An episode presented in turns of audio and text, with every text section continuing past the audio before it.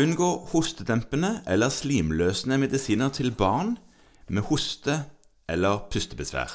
Ja, Der syndes det vel mye, gjør det ikke det, Morten? Jo, ehm, man ble jo desperat som eh, småbarnsforeldre av at barn eh, våkner hele natten gjennom av hoste. Ja. Og ønsker jo for alt i verden å dempe dette, sånn at alle kan få litt ro og fred gjennom natten. Ja. Både barna og de som er rundt barnet. Nettopp. Ja, og, og som lege så er det ikke vanskelig å sette seg inn i den situasjonen. Nei, som lege og foreldre, så Ja. er det rimelig enkelt. Poenget er at, at veldig mye av det vi prøver på, har ganske dårlig effekt, og så er det viktig å huske på at lungene har dette som en forsvarsmekanisme. Ja, det er noe som skal Du prøver å få bort. dritten ut. Ja. Og det er òg å si at effekten av mange av disse tingene er ganske dårlig. Det er òg en viss fare for å overdosere. altså Man skal særlig være mm, forsiktig med en del av disse som gir sånn dempende effekt, for de kan gi generelt dempende effekt. Ja.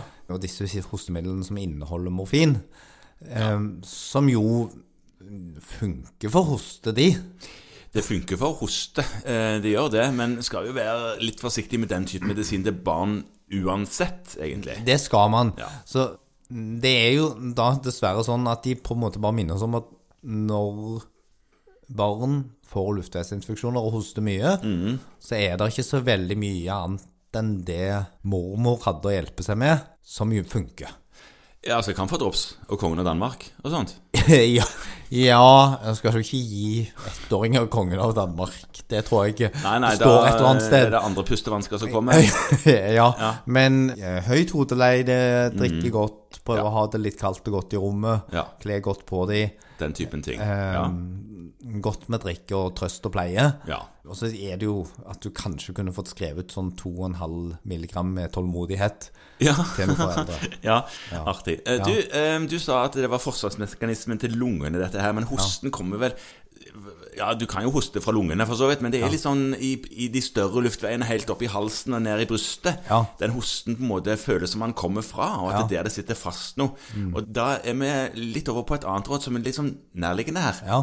Hvor det står, Dette er også fra barnelegene. De skriver at man skal unngå rutinemessig inhalasjonsbehandling ved bronkiolitt. Ja, Og det er jo, Bronkiolitt er jo også noe som gir hvesing og hosting og styring. Ja.